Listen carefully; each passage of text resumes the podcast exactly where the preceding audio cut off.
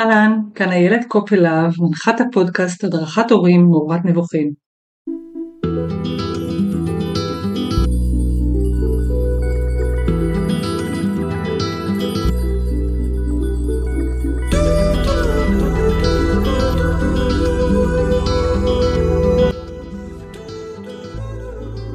אני מדריכת הורים בכל שלבי ההורות מאז שנת 2005. מלווה החל מההיריון כמכינה ללידה, ליוויתי לידות בעבר, מדריכת הנקה וכמובן מנחת הורים לילדים בכל הגילאים. אני מתמחה בעולם התאומים, כאימא לתאומים בעצמי, כיום בני 18 פלוס, להם שני אחים, האחד גדול מהם והשני צעיר מהם, וכולם ביחד מהווים עבורי את בית הספר הגדול והטוב ביותר להורות וגם להתפתחות אישית, וכמובן מהווים עבורי קרקע למידה ופיתוח מקצועי. בפרק הזה, שהוא הפרק השני בסדרת התפתחות אישית ורוחנית בהורות, נפגשנו שוב יוליה ואני לדבר על הכלים והפרקטיקה לאור הגישה הזו.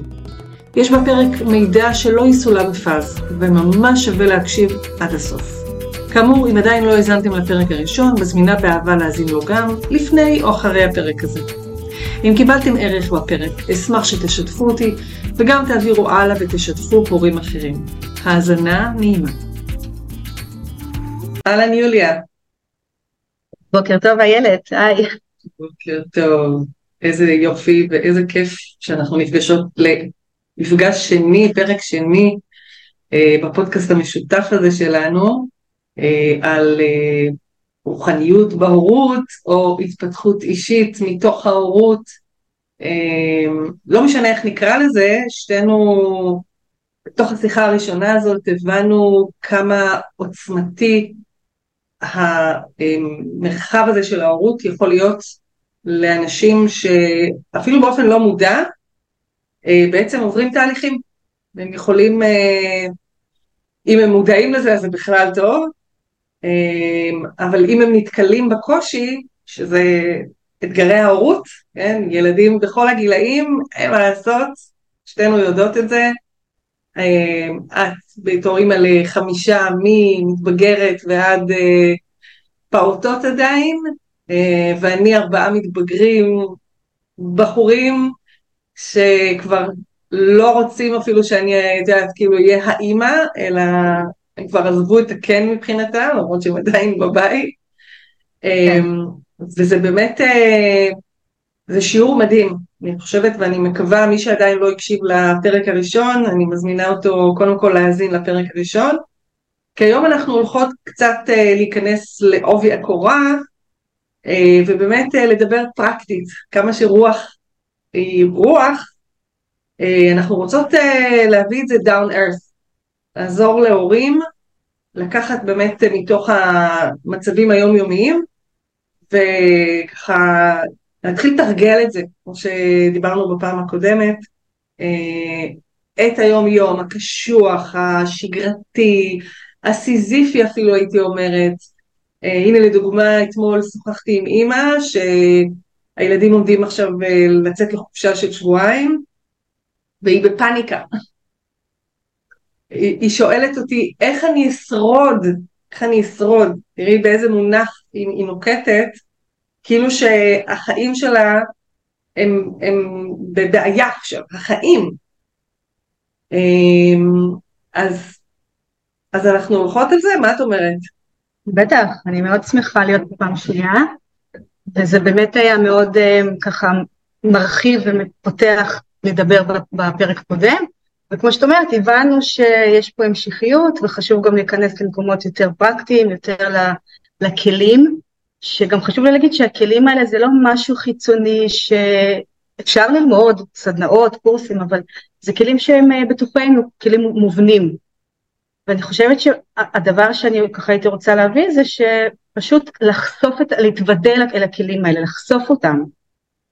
אה, שתינו okay. כן. מגיעות מתחום של אה, לידות, אנחנו שתינו ככה באמת הכרנו גם בקורס של דולות, הזכרת את זה בפרק הראשון, ואני זוכרת שהייתי דולה, כשעסקתי בתחום, אז היו שואלים אותי, רגע, אבל מה את מביאה? יש לך אה, ידע בשיאצו, בשמנים, בתנועות, בכזה, ב... כן? ולא היה לי הרבה ידע בשיאצו וכאלה, בצמחים ושמנים, אבל כן הייתי מביאה את עצמי והייתי אומרת אני, אני מביאה את הנוכחות שלי ואת הידע והכלים הפנימיים שלי ואני רוצה שאת כיולדת תכירי בזה שיש לך את הכלים שלך. והכלים החיצוניים הם תומכים והם טובים ונכונים אבל אני חושבת שברגעים הכי אמיתיים גם אפשר להסתמך על מה שיש בפנים. אז אותו דבר גם בנושא של הורות, אה, לי חשוב להעביר את, ה, אה, את הידיעה הזאת שהכלים הם פנימיים.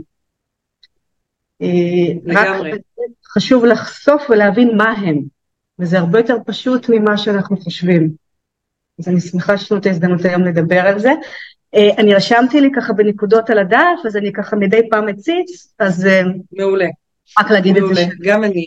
אז בואי נראה, אה, אה, את יודעת, כאילו איזה כלים, בואי נתחיל מה, מהדבר הראשון שעולה לך בעצם, איזה כלי ככה, שאת היית מציעה באמת, אה, ככה הכי משמעותי לשלב בהורות, כדי למשל לייצר יותר, שזו שאלה שחוזרת על עצמה המון, סמכות. כי זה משהו okay. שאני אוקיי. מרגישה שהורים מאוד אה, במיוחד, את יודעת, לאחרונה אפילו נתקלתי בזה, אה, איזושהי הערה של קולגה שלי, מדריכת הורים, אה, סביב הרעיון שנותנים לילדים היום לעשות מה שהם רוצים.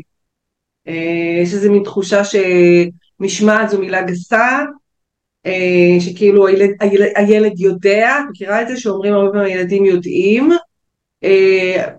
וההורים הם רק שמה כדי, לא יודעת מה, ללוות או לתת ביטחון, שזה שוב פעם, זה דברים נכונים, אבל התחושה היא שבסוף ההורים מאבדים את תחושת הסמכות שלהם, והם נורא נלחצים כשהילדים, לצורך העניין, לא משתפים איתם פעולה, לא, לא מקשיבים להם. יאללה, בוא נדבר את הדבר האמיתי. ההורה רוצה שהילד עכשיו יסיים את היום שלו, ילך לצחצח שיניים, יתקלח. תראה, טקס ערב, ואין שיתוף פעולה, הילד לא מקשיב, הילד עומד מולו, משתולל, צוחק, אה, בכלל מתעלם ממנו, והתחושה היא של איפה הסמכות שלי כהורה? למה הילד שלי לא, לא הילד שלי? זאת אומרת, מה, מה אני עושה פה בעצם? אז בואי ניגע בזה, כי זה נראה לי נושא, במיוחד בחופש הגדול, שהורים מפחדים, אפרופו, שהם uh, יתמוטטו עד סוף החופש, הם לא ישרדו. Uh, בואי נראה איך אפשר לעזור להם להחזיר את תחושת הסמכות הפנימית הזאת. אוקיי.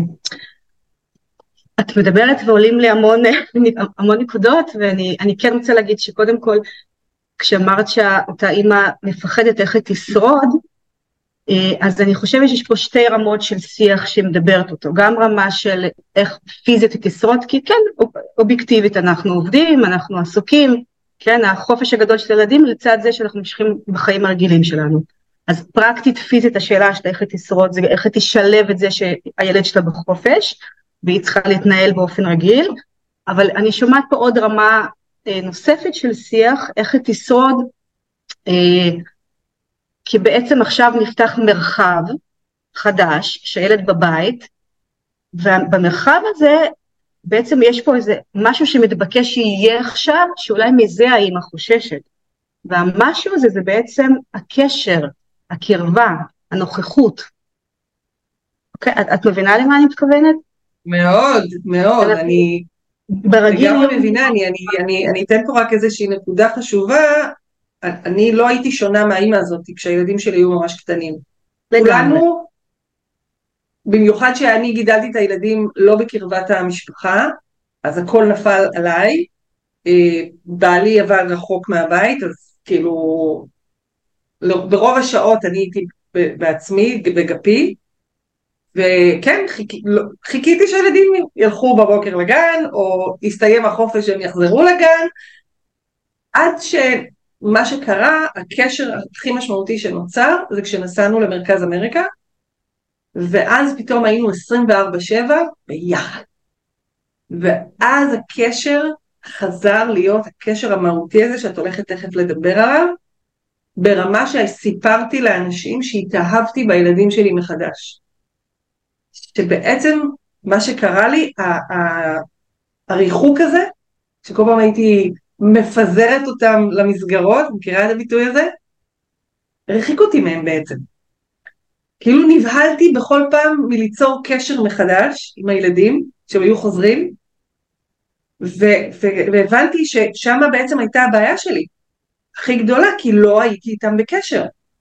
וכשחזרנו לארץ וחזרנו לשגרת היומיום, זה פתאום היה לי כיף שהם היו יוצאים לחופש. כי, כי שוב יכולנו לעשות את ה bonding הזה שכל כך היה לי טוב בו. אז אני ממש מבינה מה את אומרת ואני נותנת את זה באמת כדוגמאות, כדוגמה לאנשים שהם יבינו על מה אני מדברת, שלמה, למה, איפה הבעיה, איפה הכשל נוצר ב, בעניין הזה של ללכת למסגרות ולחזור ולפחד מזה שיהיה חופש ארוך מדי, כן? כאילו מעבר לכמה שעות. עכשיו, הקשר הזה אמ, הוא באמת יכול להבהיל או להפחיד, כי א' זה משהו שהוא, לא לכולנו יש קשרים טובים עם הילדים שלנו, אמ, אנחנו יותר נמנעים אנחנו יותר מרוחקים ויותר עסוקים בפרטים הטכניים של החיים, של הקשר, כן? אה, וזה יכול באמת להלחיץ, פתאום הילד בבית ואני בבית, ומה מה, מה זה אומר, מה אנחנו עושים, מה זה הקשר הזה, רגע, אני צריך לדבר איתו, אני צריך לעשות איתו, אני צריך להקשיב, כן? זה, זה לא מצב רגיל. זה יכול באמת גם להציף, אני חושבת שזה גם הולך עוד יותר עמוק ואחורה בזמן, כי זה מציף את הטראומות ילדות שלנו, איזה מין קשרים לנו היו עם ההורים שלנו, על מה הם התבססו, מה זה כלל הקשרים האלה, מה, מה, מה היה חסר בהם, מה היה עמוס בהם, אוקיי? אז זה מציף. להיות בנוכחות עם ילד זה מציף. מה שנקרא אינטימיות, היא לא פשוטה. עכשיו, אמ, כשאת מדברת, אני ככה חוזרת לשאלה שלך, איך יוצרים סמכות, אז אני מאמינה שאת לא מדברת על סמכות אה, חיצונית של אני אמרתי ואתם תעשו, גם זה היה, אה, זה לא עובד בדרך כלל, זה אולי עובד כי מפחידים את הילד ומאיימים ועונשים וכזה, ואנחנו כבר, מקווה שעברנו את השלב הזה. את מדברת איך יוצרים את הסמכות הזאת שהיא תהיה אמיתית, והיא לא תהיה במאה אחוז והיא לא תהיה כל הזמן, אבל משהו שם בגרעין יהיה מספיק אה, חזק ויציב וברור שהסמכות הזאת תמיד אפשר לחדש אותה ו, ולהביא אותה מחדש. אז אני חושבת שהסמכות הזאת שאת מדברת עליה היא מתבססת על הקשר הזה שאנחנו לרוב מפחדים ונמנעים ממנו. אני קוראת לזה מחינוך חיצוני או מסמכות חיצונית למנהיגות פנימית או לסמכות פנימית.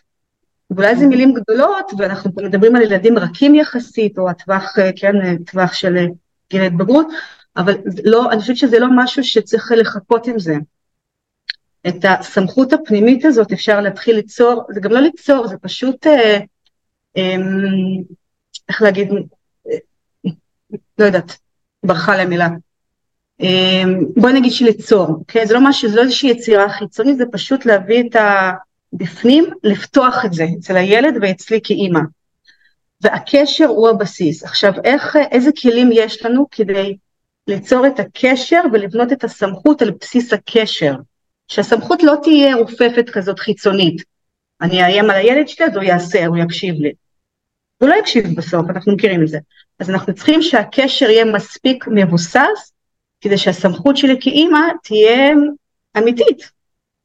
אוקיי? גם אם הוא יקשיב, חשוב לציין, הוא יקשיב באמת מתוך פחד, רתיעה. אה, בעצם זה כמו אילוף, בואו נדבר על זה ככה, זה כמו לאלף בעל חיים. אנחנו לא רוצים את זה. אנחנו לא רוצים את זה כי, כי אוקיי. כמו שאת אומרת, זה גם, זה, זה גם מערער את הקשר. אני אוסיף עוד מילה חשובה, שעוזרת לי גם להסביר להורים למה אני מתכוונת, במילה סמכות יש את השורש לסמוך. זאת אומרת, אני רוצה להגדיל אצל הילד, אפרופו קשר, את ההבנה שהוא סומך על ההורה שלו. כי, כי ההורה היא הדמות החזקה יותר, המשמעותית הזאת שמגדלת אותו כרגע ותומכת בו גם פיזית, בסדר? אה, כספית ובית ואוכל וכל הסיפור הזה, וגם רגשית, שזה ה... השלב, ש... זה בעצם המעטפת, זה אפילו לא השלב הבא, כי זה המעטפת, כי הילד אמור לסמוך על ההורה שלו מיום לידתו, רגשית גם. הרבה פעמים מדברים על זה שככל שהילד גדל, אז הוא זקוק להורה יותר בהיבט הרגשי, אבל זה לא נכון. כאילו, הוא מ-day one מפתח קשר ומפתח תחושה של אני סומך על. כן. ככה נוצרת הסמכות הזאת. נכון, נכון.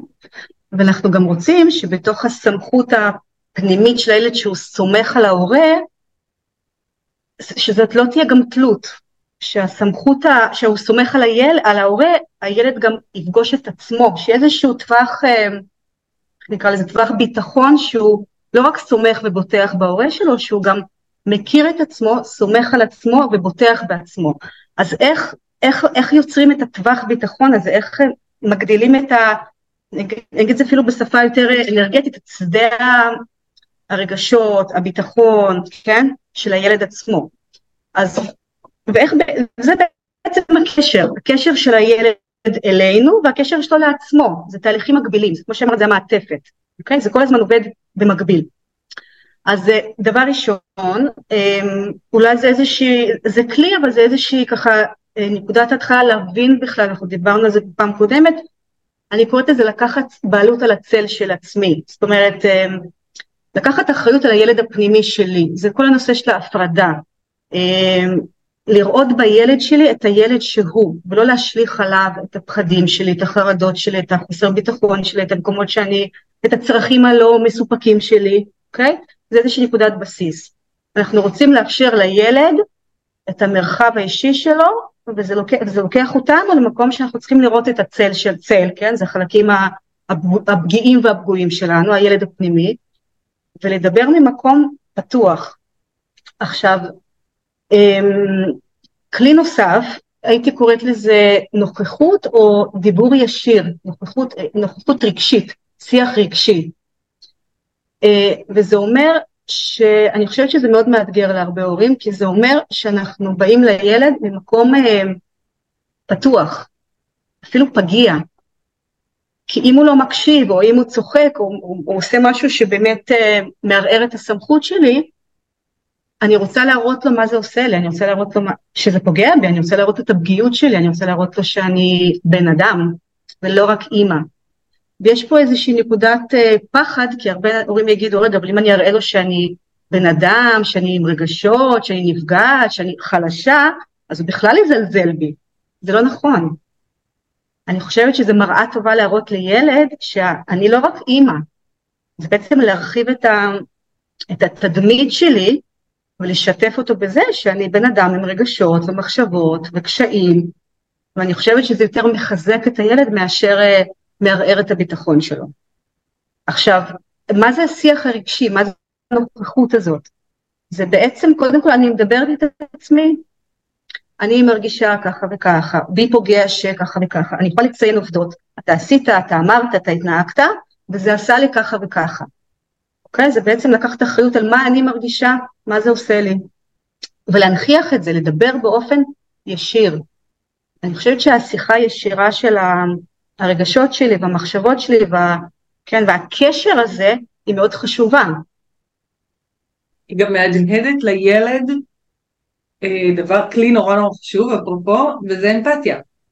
אמפתיה. זאת אומרת, הציפייה שאתה תבין אותי, תגדל אצלך יכולת להיות אמפתי לאחר, ולצאת בעצם החוצה מתוך המקום הצנטרליסטי הזה שיש אצל ילד, שהוא טבעי, הוא בסדר, הוא חלק מהדבר, כי אנחנו, אפרופו איך עושים את זה מגיל ינקות בעצם, זה, זה כל הזמן מפתחים ו- ומייצרים את ההדהוד הזה גם אצל הילד, אפילו שהוא קטן, ואני אומרת לאמהות, כשקשה להם, כשהתינוקות בוכים נורא, ואנחנו מדברות הרבה, את יודעת, על דיכאון או דכדוך אחרי לידה, אפילו אז לא לפחד מזה, ולהגיד לילד, וואי, כמה קשה לי איתך. אני, אני לא יכולה לסבול את הבכי הזה יותר. ולדעת שאת לא עושה עם זה כלום, זאת אומרת, את לא עכשיו uh, תשאירי אותו בחדר ולא, ולא תבואי אליו, אלא אולי תלכי רגע למקלחת, תשטפי פנים, תסתכלי על עצמך במראה, תגידי, וואי, זה ממש קשה, ממש קשה לי, אני, אני... אבל אני יודעת שיהיה בסדר.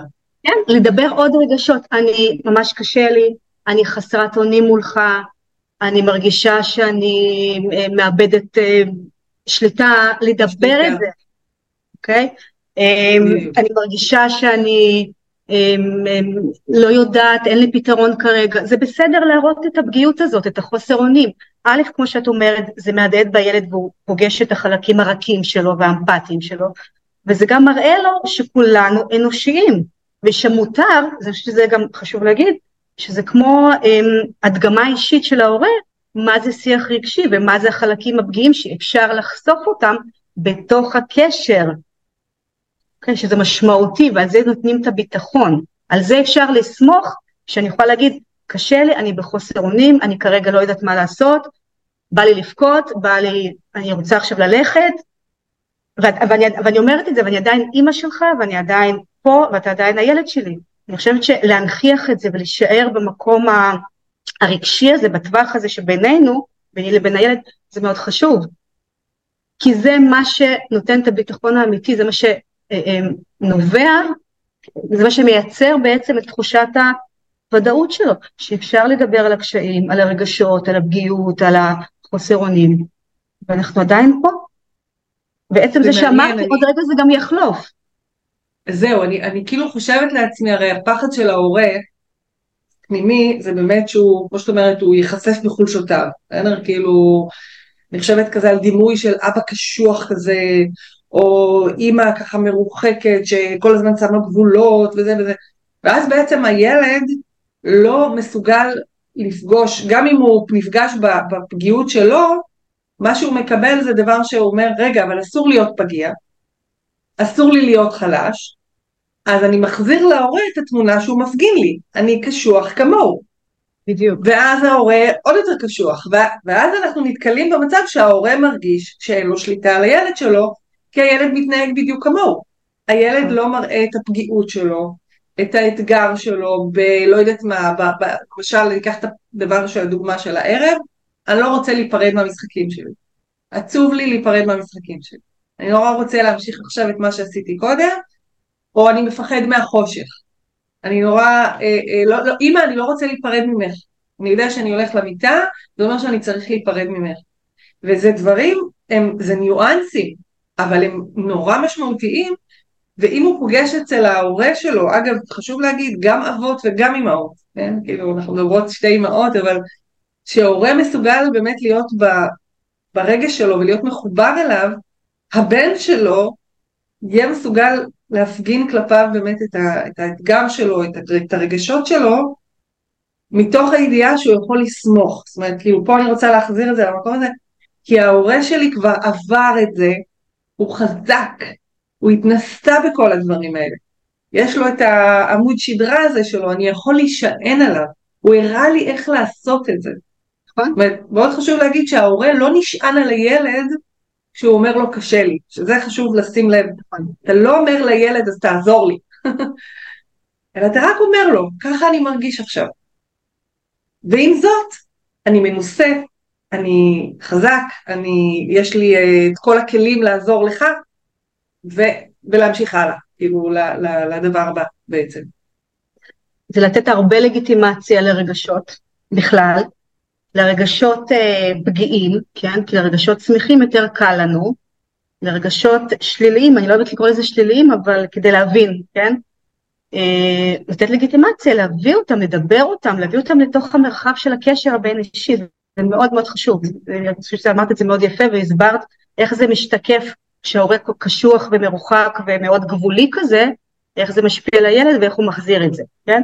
וגם איזה מסר הילד מקבל שאין מקום, לא, לפח, לא לפחדים, לא לרגשות, לא לחולשות, לא ל... אוקיי? שחיים הם משהו מאוד נוקשה, גבולי, ברור. איזה מין חוויית חיים תהיה לו, אוקיי? אנחנו מבינות את זה. עכשיו, אמ, דבר נוסף שהייתי רוצה להביא כאיזשהו כלי פנימי של ההורה, זה לדבר את עצמי מהמקום האישי, אבל כמו שאמרתי, יש פה איזושהי נקודת אמ, חולשה, לא להשליך על הילד את הפחדים שלי או את הסיפורים שלי, אלא להיות אה, באחריות על עצמי. זאת אומרת, אני יכולה להביא דוגמה מהחיים שלי, גם לי היה קשה בפרידה ככה וככה, ובכלל בוא נדבר על הפרידה, קשה לך להיפרד מהצעצועים שלך לקראת השינה, אז בוא בכלל, כאילו להביא את החיים, את כל החיים, למרחב הבין אישי. לדבר על הדברים. אני חושבת שזה הזדמנויות טובות ככה, כי עוד יהיו פרידות, לא רק מהצעצועים, פרידות עוד יהיו יותר משמעותיות, כן? אבל להתחיל מה, מהכאן ועכשיו, כי הילד בכאן ועכשיו, הפרידה מהצעצוע שלו זה אמיתי לגמרי, ואצלו זה קשה. אז גם להביא את הדוגמה מהחיים שלי וגם לספר את הסיפורים שלי, עם נקודת אזהרה, לא להשליך עליו, ולא לצפות שהוא ירגיע אותי וינחם אותי וייתן לי איזשהו מענה רגשי, לא. אני רק מספרת כדי להרחיב לו את טווח האפשרויות שלו, טווח ההתנסויות שלו. לאפשר. אמ, כלי נוסף שכן בונה קשר וסמכות זה בעצם להתחיל לראות את הילד, קראתי לזה פיתוח אמ, אמ, בוחן מציאות פנימית אצל הילד. זו מילה כזאת פסיכולוגית אבל אני אסביר את זה ביותר פשוט. להתחיל בעצם לראות את הילד ולשקף אותו דרך השאלות. ממש להתייחס אליו כאיזושהי דמות מרכזית פה ולדבר אליו. מה אתה חושב על זה? מה אתה חושב כשאני מרגישה שאתה לא מקשיב לי? מה אתה חושב? איך זה מרגיש? מה זה יכול לעשות לך? בעצם להכניס אותו לסיטואציה הזאת ולאפשר לו לקחת בזה חלק. את דיברת על זה, את קראת לזה אמפתיה, אבל זה אולי אפילו קצת יותר מזה, זה להתחיל שהוא, זה להתחיל אה, אה, לזרוע אצלו זרעים של תודעה בעצם, יותר פתוחה, שהוא מתחיל לחשוב על מצבים, על אה, כן איך אני מרגישה, מה זה עושה לי, מה אפשר אחרת, כן? זה מרחיב אותו. ובאופן כללי, בכלל לדבר עם ילדים מהמקום של שאלות. מה אתה חושב על זה? מה דעתך? איך אתה היית מרגיש? גם אנחנו... אבל מתמודדת עם הרעיון ש...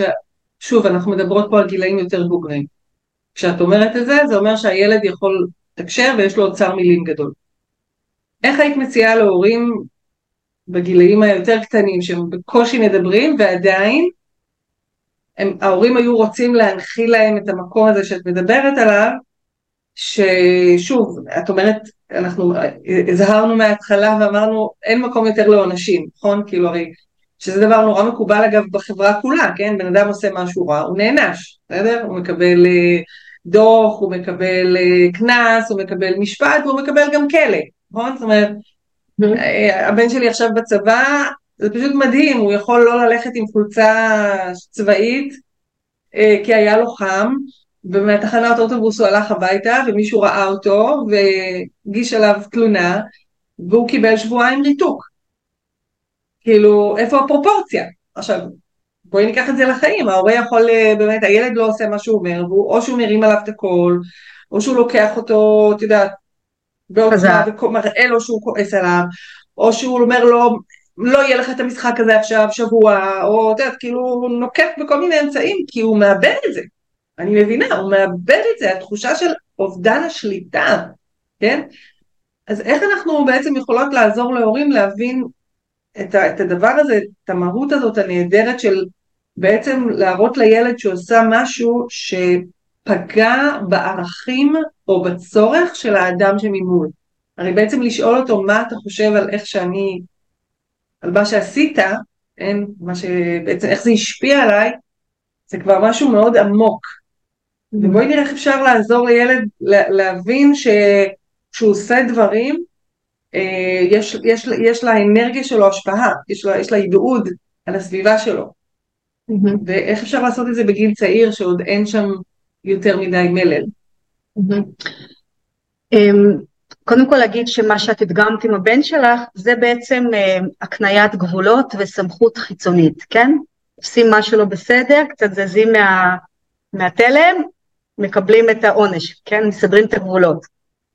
אה, וכמו שאת אומרת, אנחנו רוצים לייצר אצל הילד את הסמכות הפנימית, את, את התובנה הפנימית הזאת שהוא אה, לוקח אחריות על עצמו מהמקום המודע, עכשיו נכון, ילדים קטנים רכים שאפילו לא מדברים, זה יותר מאתגר, אני חושבת שזה פה המקום של ההורה, הקשר, גם בואי נחשוב ככה, כשהתינוק, כשיש תינוק או פעוט, אז הקשר הפיזי של ההורה וילד הוא הרבה יותר אינטנסיבי, אנחנו הרבה מחזיקים את הילדים, וכן? Mm-hmm. פיזית אנחנו הרבה יותר קרובים.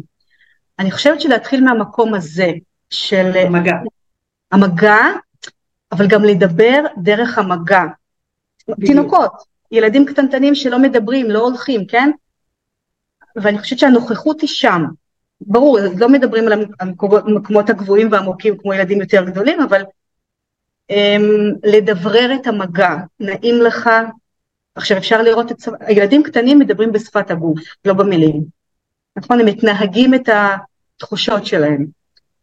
אז אני חושבת שזה דורש איזושהי הסתכלות יותר רחבה אצל ההורה, ואיזושהי הבנה ואמפתיה יותר עמוקה, לראות את הילד, להתבונן על שפת הגוף שלו, על התינוק שלו, ולקבל משם את המשוב, ולהיות הדובר העצמי כאימא, הדוברת שאני, וגם הדוברת של הילד שלי, זה בעצם להיות בשני כובעים, אולי זה יותר מאתגר, אבל אולי זה גם בונה את המשך הקשר, כשכבר אנחנו כן נוכל לדבר איתו על, כן, על שני המצבים, את המצב שלי והמצב שלו.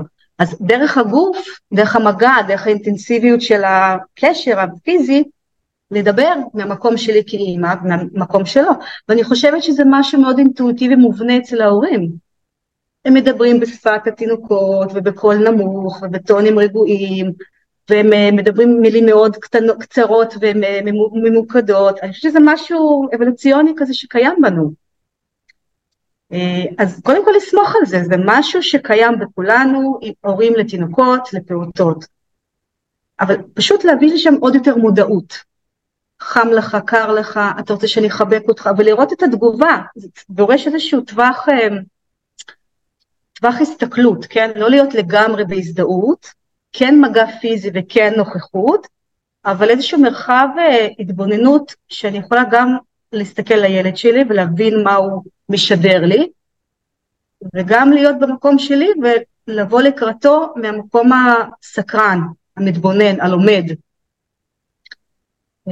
וואו, זה כל כך חשוב באמת להשאיר את זה במקום של הסקרנות, כי באמת אנחנו נוטים מצד אחד באמת לפרש דברים דרך העיניים שלנו, אה, אפרופו העבר שלנו וחוויות אישיות שלנו, ומצד שני אנחנו כאילו אה, מפחדים לנסות לשיים ולעזור לילד להבין מה הוא מרגיש, כאילו איך אני יודעת מה עובר עליו, כאילו בדיוק כמו שאת אומרת, יש, יש את הידע העמוק הזה הפנימי של אימא, בדיוק על הקשר הזה שאנחנו מנסות פה להבין איך, איך בונים אותו, הוא קיים, אני אגיד את זה ברמה התאית, הרי תינוק נוצר באימא, התאים שלו עוברים ונכנסים למחזור הדם של האימא ונשארים שם. חלק מהתאים של תינוק ממשיכים להסתובב אצל האימא עד יום מותה. ואני אני, אני עוזרת בזה לאימהות, אבל שוב, אני יודעת שזה קשה לאבות להבין את זה, זה אולי ברמה האנרגטית יותר, שיש פה באמת קשר, אה, קשר בלתי נראה, חזק מאוד, ואפשר ככה לחבור אליו כדי להצליח את המשימה הזאת של ה... אני מבינה אותך, אני רואה שקר לך, כמו שאת אומרת, או כואב לך, או עצוב לך, או זה, כדי שהוא יצליח לשמוע את זה, מתישהו להגיד את זה גם בעצמו. ואני רוצה רגע לשאול אותך עוד דבר, אנחנו פה מדברות על נגיד סיטואציה שקשורה לקשר עם הילד, אבל נגיד אני כאימא, כן, ואני מלווה המון הורים לתאומים, ואצל תאומים צעירים, ממש בגילאים ממש צעירים, לפני גיל שנה אפילו, עשרה חודשים, יש אינטראקציה אה, שמפגישה אצל ההורה תחושה לא נעימה של אה, ילדים שלי מרביצים זה לזה. בסדר? זה קשור לסוגיית הנפרדות אצל תאומים. והרבה הורים כאילו, בסדר, אני יכולה להסביר את העניין הפסיכולוגי של זה וההתפתחותי. איך פה אפשר באמת כאילו לקחת סוגיה שהיא כאילו לא קשורה אליי, כן, ישירות, כי הילד אה, לא עושה לי משהו, אבל הוא חוטף צעצוע מאחיו, או מושך לו בשיער, או כאילו, ואני רוצה, ההורים אומרים, אני רוצה ללמד אותו שזה לא בסדר, אפרופו, כן, כאילו, העניינים של הגבולות. מה עולה לך כרגע כשאני מספרת לך? איך לוקחים את זה ברמה הרוחנית, מהסוג הזה של הגברת התודעה, ולאן זה לוקח אותך? קודם כל לשאול, שוב, אני תמיד שומעת, לא תמיד, אבל אני הרבה שומעת שני קולות לפחות. כש, כשאת אומרת איך אנחנו, בעצם אימא מרגישה שזה לא בסדר שהאחים התאומים רבים. על מה היא מרגישה לא בסדר? זה שהם רבים או זה שהם חולקים צעצוע? זאת אומרת אפשר לפתוח את זה לעוד מה לא בסדר לה, עם מה קשה לה פה בעצם. אבל אני מבינה את השאלה שלך ונתייחס אליה. אני לא מכירה את תחום התאומות כמו שאת מכירה, אבל אני כן יכולה להגיד ששני הילדים הקטנים שלי הם אה, כמו תאומים, הם גדלים ביחד, הם בהפרש של שנה וחודשיים, יגידו לך הורים לתאומים זה לא אותו דבר. אני בטוחה, נכון, וזה באמת לא אותו דבר. אה, אני יכולה להגיד רק מההתנסות שלי והתפיסות שלי. קודם כל, מי אמר שלריב זה לא בסדר? אנחנו רבים, גם אנחנו רבים עם אה, נשים מבוגרים, אנחנו כל הזמן רבים, לא כל הזמן, אנחנו גם רבים. אז להתחיל לשחרר את הפרדיגמות האלה שזה לא בסדר.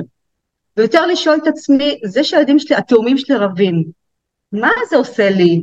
שוב, לפתוח פה איזשהו טווח התבוננות, ולא ישר להזדהות עם החוויה וללכת למקום של ההתערבות ולסדר את הדבר הזה. כן, להישאר עם עצמי ולשאול, כשהם רבים, מה זה עושה לי, ומה זה מציף אותי, ומה זה מפגיש אותי.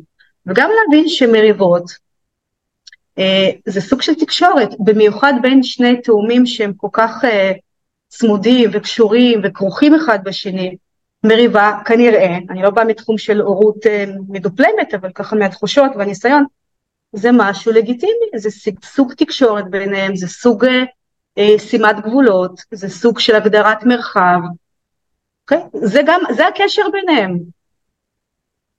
או שהם מתחבקים, או שהם משחקים, או שהם רבים, זה גם חלק מהקשר. אז להבין את זה ככה, קודם כל. דבר נוסף, לא הייתי ממהרת להתערב או לפתור את ה... לסדר את המריבה. שוב, אם יש את האפשרות להתבונן ולתפוס איזשהו מרחק מהסיטואציה ולשאול את השאלות שלי, לא הייתי ממהרת, הייתי מסתכלת, וגם אה, אני חושבת שמה שאני ככה מבינה מההתנסות שלי עם הילדים ובכלל, לא לתפוס צד. אה, אני מזהה אצלי, יש לי בן ובת שהם כמו תאומים, לא, לא תאומים, יש איזו נטייה כזאת מובנית של אה, הבת היא גם הקטנה והיא גם בת, כאילו היא החלשה והבן הוא חזק וגדול יותר, כן? לעשות את ההשלכות האלה. אתה מרביץ, אבל היא ככה, כן? לא, זה לא נכון, אני עושה את זה גם. אבל התודעה יותר גבוהה והרחבה, לא, לא לתפוס צד, לא, לא לצד הזה ולא לצד הזה. בעצם להישאר, לשמור על התאומים כאיזושהי יחידה, ולהתייחס אליהם בתוך המריבה הזאת, ממקום שהם בסירה משלהם ואני מסתכלת מהצד. להתחיל לתקשר את זה, ולא להגיב, לשמוע, טוב, אם ילדים מדברים, כן? מה הם אומרים? ולתת עוד איזשהו, אה, עוד איזשהו רובד של המריבה הזאת, אבל כבר בתקשורת. כי לפני זה הם רבו, מכות נגיד, כן? זה היה מאוד פיזי. עכשיו אני שואלת, מה קרה פה? ואני לא מפנה את השאלה לאחד מהם, מה קרה? כן? ושאלות פתוחות, ולתת להם להביא, להביא את הדיבור שלהם, את החוויה שלהם. ומה הרגשת, ומה אתה הרגשת, ומה אתה חושב על זה. שוב, אני מבינה שזה שיח של ילדים יותר בוגרים, אבל גם בגילאים יש לי ילד בן חמש, ילדה בת ארבע, זה שיח לגמרי מותאם, זה אפשרי. אוקיי? אני חושבת שזה גם, אנחנו כן התחלנו את זה בגילאים יותר מוקדמים, זה אפשרי. הילדים הרבה יותר חכמים, ו- והם רוצים את השיח הזה, כי זה עוזר להם לגדול, להתפתח, אוקיי? אז ליצור פה שיח, זה כאילו מרמה הפיזית של מריבה ומכות, להביא אותם לרמה יותר גבוהה של דיבור, ביטוי, ולרמה יותר גבוהה של מודעות, אוקיי? עכשיו, לא בטוח שהמריבה הזאת תיפסק ובזהו סיימנו עם כל המריבות להמשך החיים שלהם, בטוח שלא. אבל עצם הסיטואציה, שוב, אנחנו מכניסים את החיים לתוך הקשר. הזדמנות לדבר והזדמנות לייצר אמפתיה ולראות את, את השני ולהביא איזה שהן תובנות אצל כל אחד וגם בשבילי זו הזדמנות להתנסות בהתפתחות הזאת, איזה אימא מודעת אני שהצלחתי הפעם, רק הפעם, להיות במקום המתבונן והמגשר הזה ולא להגיב מתוך הזדהות ולסדר את המריבה כי לא בא לי עכשיו צעקות ובלאגן, כן? אז שוב, לקחת את המקומות האלה, המריבות האלה, המשברים האלה, זה הזדמנויות לצמיחה. לא לחשוב שיש משהו במריבה הזאת שמסמן, לדוגמה, אין לי שליטה על הילדים, הם עושים מה שהם רוצים, הבית כאוטי, לא, לא, לא. זה להסתכל על זה ולהגיד, אוקיי, זה חלק מהחיים, ואנחנו רוצים ללמד אתכם, כמו אותנו, כן, כלים להתמודד עם אותם משברים בגדלים שונים, יש משברונים, יש משברים יותר גדולים, והמשברים לא ייפסקו כי זה לא נעים לנו, הם ימשיכו ויהיו כי זה מגדל אותנו, אני אומרת את זה לאנשים כל הזמן. דווקא המקומות האלה מייצרים אצל כל אחד מהפרטים שנמצאים בתוך המשבר, בתוך החיכוך, איזשהו רצון לגדול, איזשהו רצון להביא משהו קצת יותר עוצמתי, גם אם זה נראה לנו מהצד שלו. אפרופו הילדה החלשה והילד החזק, היא כרגע מתמודדת עם איזשהו משהו שקשה לה איתו, והיא בודקת. זאת אומרת, אני יכולה כאימא לשקף לה את זה שכרגע היא בחרה לבכות, ולא למשל לחטוף לו בחזרה את הצעצוע, כן? כאילו, שזה ייקח אותה למקום שהיא מסוגלת לעשות למרות שנדמה לה שלא, כן? אפרופו להגביר את המודעות לדברים שכרגע נראה שאין לנו אותם, אבל זה רק עניין של uh, החלטה, בחירה, ולעשות את הדבר, להעז, כן? אפרופו השיחה שהייתה לנו לפני ההקלטה, כן? לעשות את הדברים שאנחנו נטועים בתוך איזושהי מסגרת מסוימת, שאנחנו חושבים שככה זה, ואנחנו רוצים לעזור להם בעצם לפתוח חלון הצצה לדבר הבא. נכון. אה, ואני שוב חוזרת רגע לשיחה שהתחלנו איתה על, על הסמכות הפנימית, כמה בעצם הדברים האלה מייצרים סמכות פנימית לא רק אצל ההורה, אלא גם אצל הילד. ו, וזה מין אה, תנועה, דינמיקה מאוד מאוד חשובה בחיים שלנו כהורים, כי, כי זה, זה אחד התפקידים הייתי אומרת, לעזור לילד לגדל סמכות פנימית לעצמו, ביחס לחברה, בהתחלה זה המשפחה, האחים הקרובים, ואחר כך זה האנשים הנוספים שהוא יפגוש.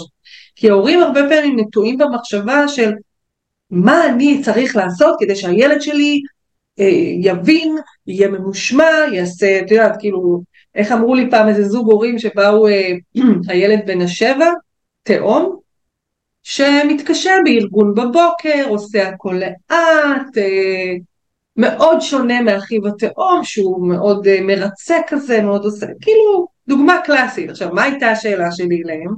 ממה אתם חוששים לגבי הילד הזה? אז מה הייתה התשובה שלהם לדעתך? מה יהיה כשהוא יגדל? שהוא לא יסתדר חברתית אחר כך. שהוא לא כן. לא יסתדר. כן. והוא בן שבע. כאילו הם חשבו עליו בגיל 20 ומעלה. את יודעת, כאילו, אמרתי, רגע, רגע, רגע, כאילו, מי אמר שזה הדבר הנכון וזה הדבר הלא נכון? כאילו, זה בעיניים שלכם, הסיפור הזה. עכשיו, זה, זה בדיוק העניין, זה לצאת מהתבניות מחשבה האלה, שהן כל כך מגבילות אותנו בגידול של הילדים.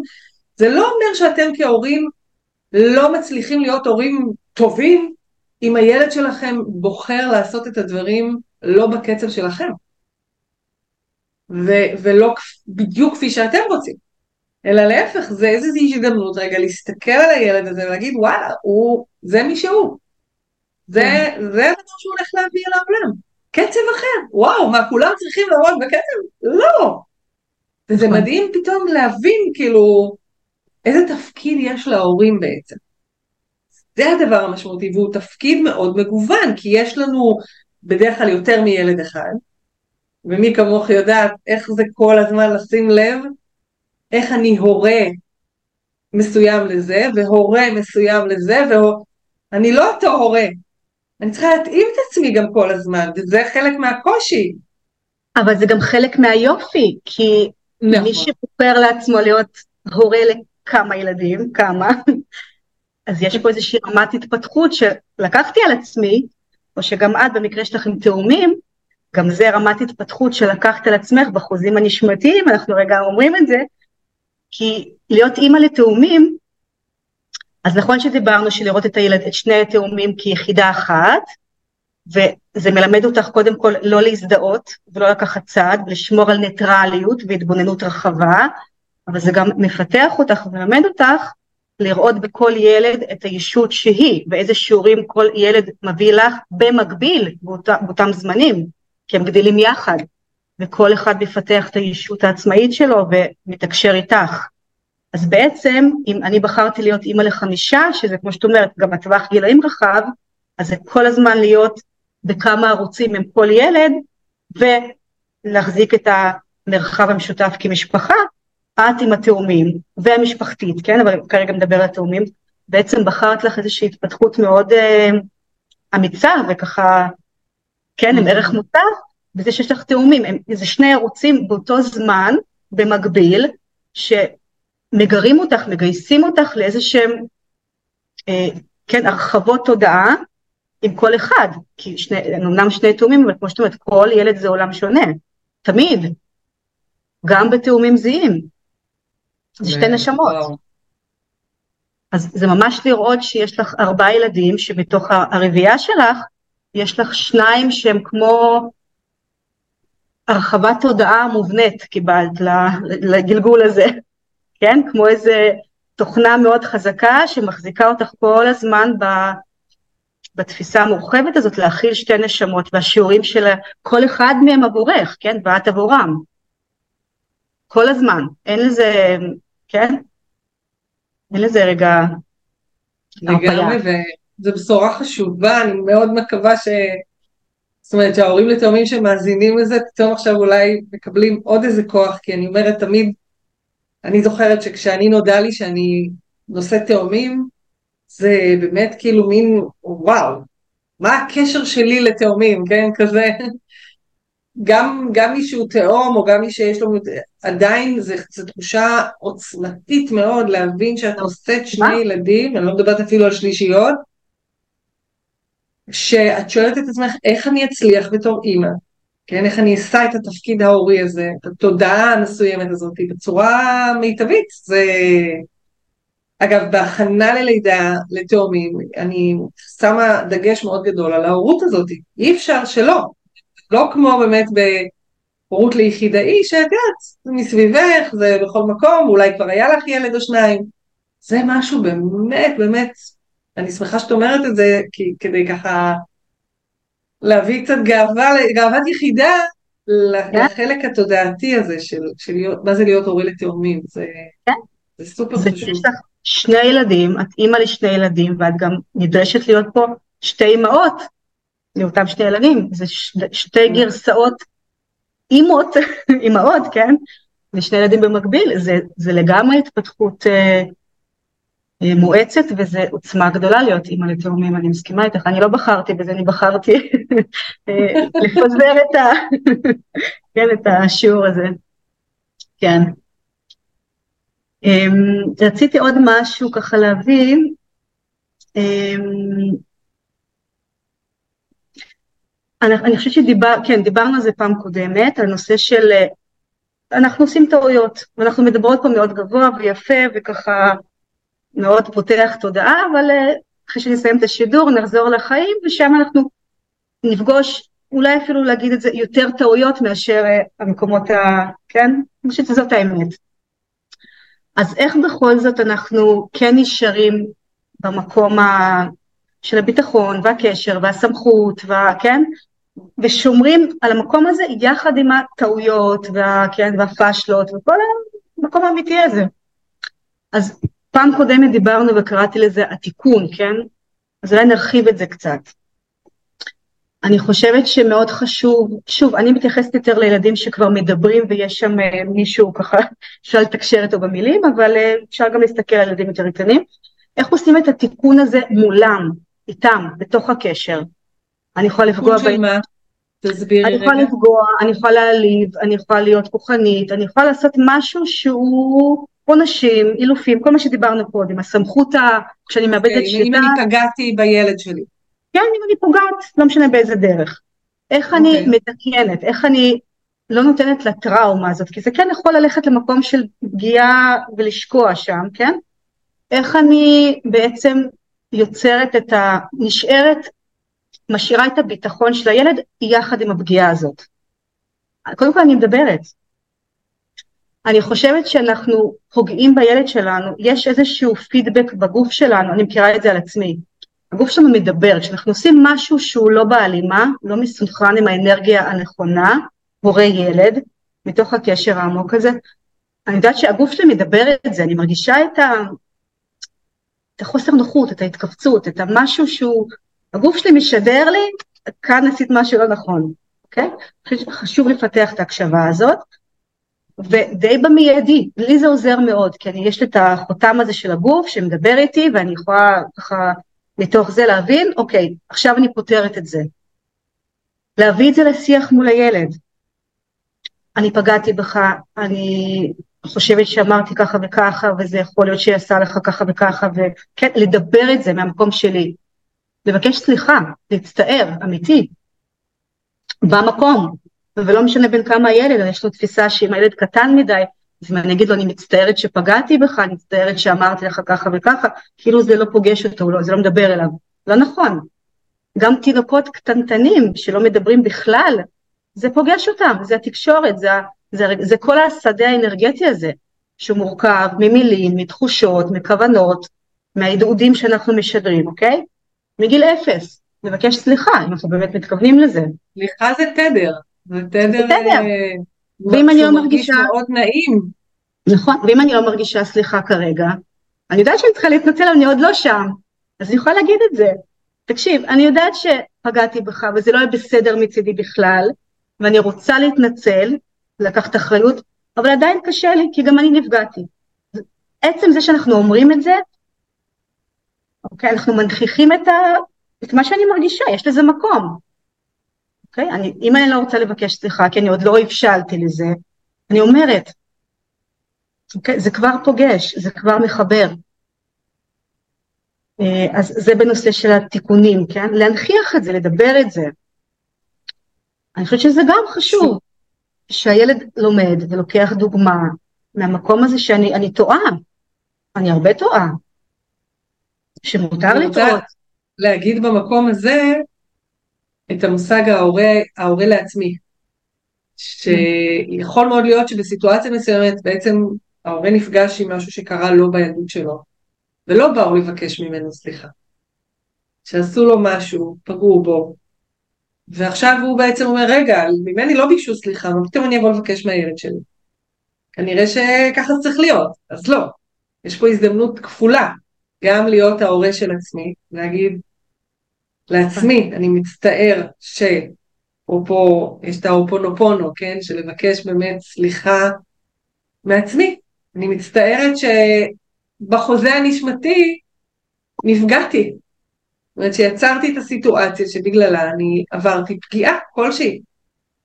ו- ומשם אפשר גם באמת להרגיש את התחושה הזאת של אוקיי, אז אני רוצה לבקש סליחה מהילד שלי, כן? על, על, על מה שעשיתי, שוב, הכי לא במודעות וגם הכי במודעות, כן? צריך לקחת את זה ששמתי לב שהילד שלי עשה משהו ובאותו רגע וואו זה פוצץ אותי וכן, והרגשתי שאני חייבת לכעוס עליו, אבל אחר כך, כמו שאת אומרת, בהלימה למה שעבר, זה לא מסתדר לי. אז הכל בסדר, פשוט לבוא ולהגיד, כן, זה היה, היה לי מאוד קשה, לא היה לי נעים, ולכן פעלתי כמו שפעלתי, ואני, יכול להיות שפגעתי ואני מצטערת על זה. ולשים לב איך אני גם באותו רגע סולחת ומבקשת סליחה מעצמי גם. גם על זה שעשיתי את זה, זאת אומרת, זה כאילו יש פה אפילו עוד, עוד מימד, כן? כי לפעמים הורה יגיד, אוקיי, למה הוא מפחד לבקש סליחה? כי אז זה אומר שהוא צריך להתמודד עם רגשות האשם שלו, שהוא עשה משהו כזה. אבל כמו שאנחנו חוזרות ואומרות פה, טעויות הן חלק מהדרך. זה החלק האנושי, כן, דיברנו על זה בפרק הקודם, שבאנו לתוך גוף מוגבל. אין מה לעשות, אנחנו לא התודעות המפותחות האלה ש... וואו, הן כל יכולות. אנחנו פה בתוך המגבלה העצומה הזאת שנקראת גוף, כן? שהגוף למשל גורם שעכשיו יכאב לי הראש, ואין לי סבלנות לכלום, בטח לא לבכי של הילד שלי. אז זה קשה לא לפעול מתוך המגבלה הזאת.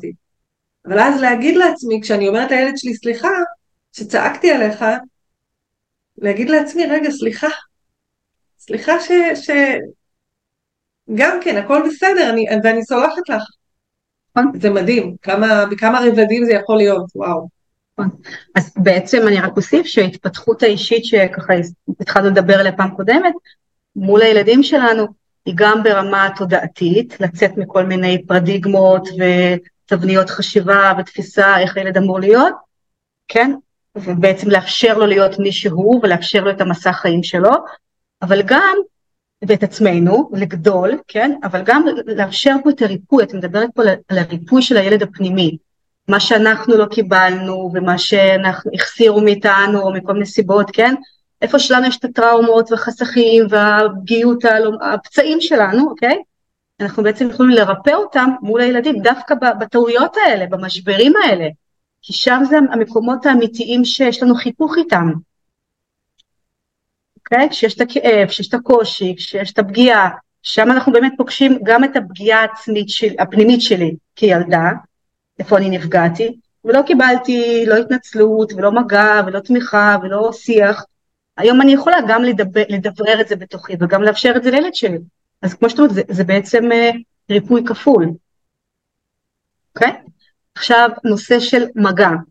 אז עם הילדים הקטנים דיברנו ואמרנו כמה זה טבעי ומובנה. Uh, איך אנחנו בעצם, המגע הזה, מה המשמעות שלו ואיך אנחנו מחדשים ו- ו- ומביאים את זה גם לקשרים עם ילדים יותר גדולים או מתבגרים. אמ, אני הרבה ככה מתבוננת על מגע, ואני מבינה שיש איזשהו שלב ב- בילדות שההורים מפסיקים לגעת. לגעת במובן המחבק, התומך, האוסף, כן? אני לא יודעת, זה קורה, איזושהי נקודת אולי התבגרות, שיש איזה אולי שיקוף שהילדים מתבגרים, יש איזושהי התפתחות מינית אולי, הגוף גדל, כן? אבל זה יותר עמוק, זה יושב גם על ההיעדר מגע שאנחנו לא קיבלנו בילדות. אה, כי מגע זה משהו מאוד אינטימי, זה משהו מאוד שכן מבטא את הקשר. אז אני יכולה להגיד על עצמי שאני בתקופה האחרונה, בשנה האחרונה לפחות, מאוד שמה לב על הנושא של מגע, זה לא פשוט לי, אבל אני כן בכוונה להחזיר מגע לקשרים עם הילדים שלי. כי שוב, ילדים קטנים מאוד קל, לחבק, לשחק, ללטף. הם גם מתחבקים עלייך. נכון. כשאנחנו כבר מול ילדים יותר בוגרים, הם בעצם משקפים גם אותנו יותר חזק. והמגע, אני חושבת שרובנו, לא רוצה להכליל, אבל רובנו סבלנו ממחסור. כי מגע זה משהו מאוד מאוד אינטימי ויש שם אינפורמציה שעוברת uh, מהעומקים שלנו. Uh, אז להחזיר את המגע, זה לא חייב להיות חיבוקים, מה שמתאפשר, אבל לשים שם מודעות. המגע הזה מאוד חשוב, יש לו כוח מרפא לכולנו בכפות הידיים שלנו. יש כל מיני סוגי מגע, אפשר ללמוד את זה, אפשר לפתח את זה, אבל המגע הזה אפילו לבוא ולהניח ידיים על הכתפיים, על הבטן, על הגב, לא יודעת, כל אחד והניואנסים האישיים של הילדים, להחזיר את המגע לקשר בכל גיל. אה, אני חושבת שזה גם מאוד בונה את הקשר, מחזק, בונה את הביטחון. אני רוצה לספר שאת כן. אומרת את זה ואני אה, כן זכיתי למגע אה, מאימא שלי, ואחד הדברים שהזיכרונות הכי משמעותיים שיש לי זה כפות הידיים שלה מלטפות לי את הפנים. אימא שלי סבלה מהזעת יתר וכשהן היו יבשות הן היו רכות רכות רכות. ואני זוכרת את זה עם ריח של, את יודעת, קליפה של קלמנטינה או תפוז. זה בדיוק זה, זה כאילו שהייתה נוגעת בי, שהייתה, אצלנו היה מנהג שיוצאים מהבית או שנכנסים נותנים נשיקה. ממש, כאילו זה היה קודש קודשים, לא, גם, גם האבא וגם אנחנו הילדים. מדהים. וזה זה ממש עוצמתי, את ממש עושה לי את הצמרמורת הזאת, כאילו להבין כמה זה, זה, זה זיכרון שמייצר את הריפוי הזה, רק מלחזור לדבר הזה פתאום, oh, כאילו יש איזה מין תחושת אה, ביטחון, רווחה כזאת. רווחה, שהכל בסדר, זה, זה בדיוק ה... ולא צריך כן. כל הזמן להתחבק ולהתנשק, הרגעים לא, האלה. כן, הולכים, הולכים מהבית, באים נותנים נשיקה, זהו, כאילו, כזה. זה, זה, זה העומק והכוונת הנוכחות במגע מאשר התדירות. כמה זה שוקע בגוף, והגוף, זה תמיד שם, זה לא משנה מאיזה גיל זה, זה תמיד שם, הזיכרון, הגוף זוכר והוא אוסף את, החל... את, ה... את התודעה הזאת, והיא מאוד חשובה. לגמרי, לגמרי. וואי, יוליה, תקשיבי, אנחנו יכולות לדבר עוד באמת אה, המון זמן, ואולי שוב, אנחנו פתחנו פתח, למרות שאני רוצה לעזור למי שהקשיב עד עכשיו, קצת לאסוף את זה, אפרופו לאסוף, אז אני אגיד שבעצם התחלנו מנושא ענק שמדבר על אה, מנהיגות וסמכות פנימית, שאת קשרת אותו לקשר בין ה... אה, הפרטים במשפחה, אגב חשוב להגיד באמת הורי ילד, אבל גם אולי באמת אחים, כן? כאילו, כי דיברנו על תאומים ודיברנו על אחים ואחים קרובים, ומכאן את בעצם נתת אה, כמה כלים שממש פרקטיים, כן? כאילו, שוב, כשאנחנו מדברים על כלים פרקטיים זה לא אה, שתיים, שתי כפיות אה, סוכר וזה, אלא דברים שצריך להיות מודעים אליהם. אז דיברת על אה, לקחת בעלות על הילד הפנימי או הצל שלי, כן? להפריד ביני לבין הילד שלי, ולזכור שלילד יש מרחב חיים משלו, אני תמיד אומרת להורים, כל אחד מאיתנו, כולל הילדים שלנו, באנו לעשות פה מסע. וזה נורא נורא חשוב לזכור את זה, ואפרופו שוב התפתחות ומודעות רוחנית, זה לדעת שאין לי בעלות באמת על המסע של הילד שלי. גם אם קשה לו, זה המסע שלו. אני אומרת את זה כל הזמן לעצמי כשהילדים שלי מתמודדים עם דברים, ואני נורא רוצה לפתור להם את זה, וככל שהם גדלים יש לי פחות ופחות שליטה על הדבר הזה, וזה מחזיר את זה לאתגר שלי, כן? כאילו להיות רק בהתבוננות ולשלוח הרבה אהבה, המון המון אהבה למקום הזה, ולהגיד, זהו, זה המסע שלהם, וזה מתחיל מינקות. גם אם לילד, לא יודעת מה, יש לי ילד שנולד עם מום לבבי, זה המסע הנשמתי שלו. אני לא יכולה לקחת לו את זה, להפך. זה הבחירה של הנשמה שלו, לבוא לתוך הגוף הזה ולעשות את המסע עם הדבר הזה, זה מדהים להבין את זה. הדבר הנוסף שהזכרת היה אה, נוכחות אה, רגשית, כן, ולהזכיר את המקום של כמה זה חשוב להיות בפגיעות, כי זה מפתח חוסן, וזה יצר, מייצר מראה טובה לילד לפתח רגשות ולהיות מחובר לרגשות שלו. ולהפך, לא, לא להגיע למצב של אני קשוח, הילד שלי קשוח. אני עוד יותר קשוח, הילד שלי עוד יותר קשוח. תזכור כמה זה חשוב העניין הזה של המראות, דיברנו על זה בפרק קודם, תחזרו להקשיב. לא להשליך על הילד את הפחדים שלי, כן? להיות אה, מה שנקרא אישיים קראת לזה, כאילו להשאיר את זה במקום שזה שלי, כן? כאילו, זה גם דיברתי על זה קודם, על העניין של הפרדה וכל אחד והמסע שלו. אה, דיברת על אה, פיתוח בוחן מציאות פנימי אצל הילד, איך אני מרגיש כשמישהו אחר נפגע כתוצאה מפעולות שעשיתי, כן? אם זה ההורה שבא ומדבר איתו, ואם זה אח, או אפילו יותר מאוחר, חברים וכאלה, שוב, כדי להגדיל את המקום הזה של הסמכות הפנימית שלי, אני סומך על עצמי שאני מחובר לזה שגם אם עשיתי משהו, אני, אני מצליח לחבר את הנקודות, אני לא נשאר תקוע במקום שלי.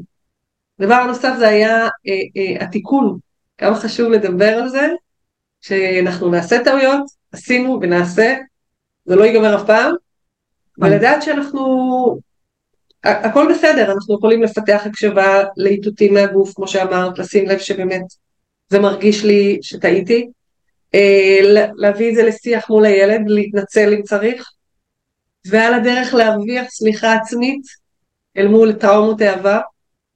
וואו, כמה דברים יש בזה. הדבר האחרון שדיברת על זה זה המגע. מגע כמובן שיוצר חיבור מינקות, כן, אנחנו מדברים על זה היום, לשמחתי, גם הפסיכולוגיה המודרנית מדברים על זה כמה חשוב.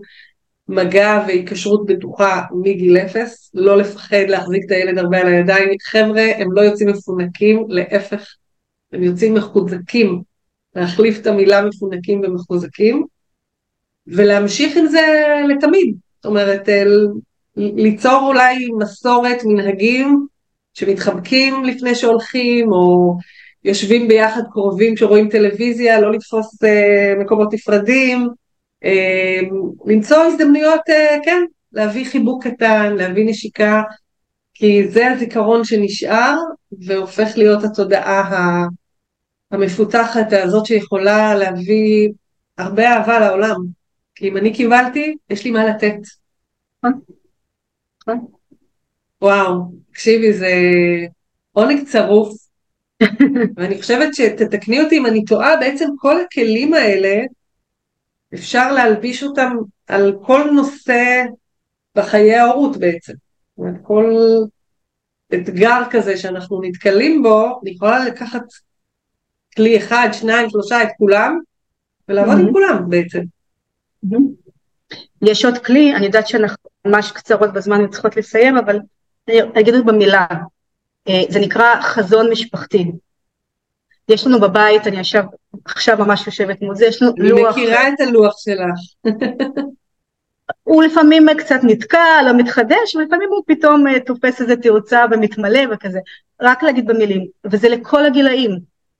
בעצם המטרה של הלוח הזה זה לאפשר לכל אחד, גם אני כמבוגרת וגם הבן זוג שלי וגם הילדים, כן? להביא את עצמם, לאפשר את המרחב האישי ולשים אותו, בעצם לוח חזון זה איזשהו, אה, איזשהו אה, פורמט כזה שאנחנו כותבים שם את החלומות או את הבקשות האישיות שלנו והמשפחתיות. עכשיו האישיות זה נושא אחר, המשפחתיות, לערב את המשפחה, גם הילדים בני חמש וארבע הקטנים שלי, אני יכולה לשאול אותם מה הייתם רוצים שיקרה הקיץ? אתם רוצים לנסוע לטיול, אתם רוצים להיות בקמפינג, אתם רוצים, לא בטוח שזה יקרה ויתגשם, אבל עצם זה שאני מאפשרת להם מקום לבטא את החלומות שלהם, את הרצונות שלהם, את ה... א', אני גם לומדת אותם, מה, מה, מה התודעה שלהם, על מה הם חושבים, מה, מה הם רוצים, וגם לאפשר להם את זה. הבנות הגדולות שלי כבר יש להם חלומות משלהן, הילד בן 11, זאת אומרת יש מקום לכולם, אוקיי? אז החזון המשפחתי הזה הוא, אני חושבת שזה נותן אה, תחושה של שייכות וביטחון ויש לי מקום ורואים אותי ומתחשבים בי ואנחנו גם מדברים על זה שיש הרבה מה לעשות ואנחנו צריכים לראות איך אה, מתווכים בין כל הצרכים והרצונות אבל עצם זה שנוכח פה בבית וזה משהו שכולנו רואים אותו וכולנו שותפים לו אה, זה גם מחזק את הקשר, את הביטחון, את הסמכות וזה זה כלי, זה אפשרי, זה כיף, זה נחמד, זה, וואו. זה מיידי. כן, זהו. נראה לי, נתת את משיכת המכחול האחרונה הטובה לפרק הזה. כן. אה, אני שוב רוצה להודות לך מאוד על, ה, על השיחה, היה כמו תמיד, כיף, מלמד, מעשיר, לגמרי זו מול זו. אז תודה. גם לי, תודה על האפשרות וההפריה הזאת, שככה אפשר אה, להרים ולהרחיב דברים, זה גם ככה בזכותך. תודה.